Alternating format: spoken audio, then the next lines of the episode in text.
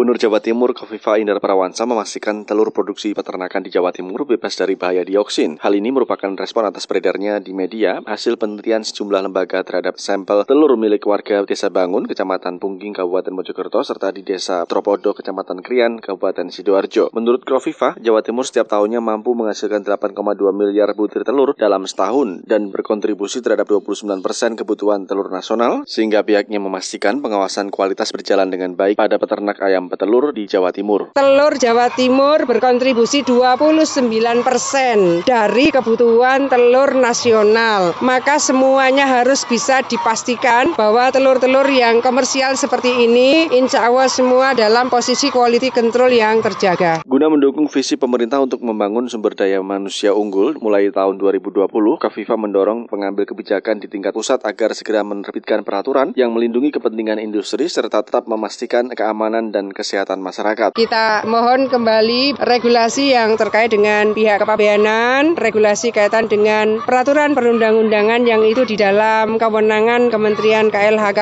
Kita mohon semuanya bisa berseiring dengan upaya membangun kehidupan yang sehat. Kalau pembangunan SDM itu masuk visi pertama secara nasional. Pembangunan SDM itu berarti harus sehat, harus terdidik sehingga SDM-nya bisa maju dan unggul. Pemerintah Provinsi Jawa Timur, kata Kofifa, telah membahas rencana konversi energi yang digunakan industri pembuatan tahu dan kerupuk milik masyarakat yang sebelumnya memanfaatkan sampah plastik sebagai bahan bakar. Konversi atau alternatif energi pengganti ini menjadi bahasan penting pemerintah provinsi bersama pemerintah kabupaten kota serta instansi terkait agar masyarakat mau beralih dan tidak lagi menggunakan sampah plastik sebagai bahan bakar. Para pelaku IKM tahu Citra Pondo itu siap-siap mengkonversi bahan bakar yang sementara ini dari plastik. Satu opsinya adalah wood pellet. Paling memungkinkan dan paling terjangkau adalah wood pellet menurut hitungan Pak Bupati. Yang kedua adalah sudah dikomunikasikan oleh Pemkab Sidoarjo dengan PGN memperpanjang pipa city gas. Kemudian ketiga adalah dengan CNG.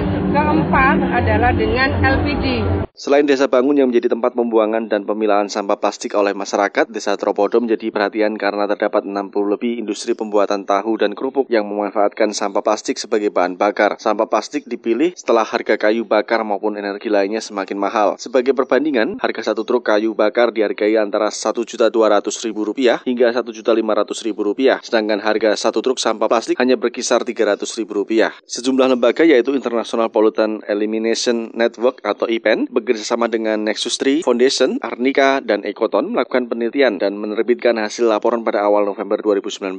Terdapat kandungan dioksin pada telur-telur ayam milik warga Desa Tropodo dan Desa Bangun yang melebihi ambang batas kewajaran. Peneliti Ekoton Daru Setior ini mengatakan hasil penelitian menyebut terdapat 16 jenis racun dari limbah plastik ditemukan dalam telur ayam milik warga. Dari tiga sampel telur dari Desa Bangun, tiga sampel telur dari Desa Tropodo, dan enam sampel telur yang dibeli di supermarket, telur dari Desa Bangun dan Desa Tropodo mengandung dioksin dengan kadar 200 pikogram per gram lemak, sedangkan standar yang ditetapkan Balai Besar Pengawasan Obat dan Makanan hanya 2,5 pikogram per gram lemak telur. Hasilnya menunjukkan bahwa kandungan bahan-bahan pencemar POPs, persistent organic pollutants termasuk dalamnya dioksin di dalam telur dari Tropodo sangat-sangat jauh melebihi kandungan yang ada dalam telur kontrol yang dibeli dari supermarket. Supermarket itu sebagian besar di bawah detection limit dari alat laboratorium, sedangkan yang di dalam sampel telur Tropodo dan Bangun bangun itu melebihi batas yang rata-rata normal. Apalagi untuk dioksin di Tropodo itu 70 kali lebih tinggi dari standar keamanan dioksin dalam pangan yang ditetapkan Badan POM. Daru mengajak masyarakat menyadari bahaya pembakaran plastik maupun pembuangan sampah plastik secara terbuka di masyarakat. Penelitian kami sebenarnya bukan untuk menyatakan bahwa semua telur di Jatim itu tercemar dioksin, sama sekali tidak. Karena ini adalah sangat kasuistik di mana tujuan penelitian kami untuk menunjukkan bahwa ada aktivitas pembakaran sampah plastik yang terjadi di Tropodo dan di Desa Bangun. Dan plastik yang dibakar itu merupakan sampah impor yang didapatkan masyarakat dari pabrik kertas. Penelitian ini ingin membuktikan bahwa pembakaran sampah plastik dan aktivitas dumping yang dilakukan oleh pabrik kertas di lingkungan permukiman itu telah menimbulkan dampak yang membahayakan kesehatan.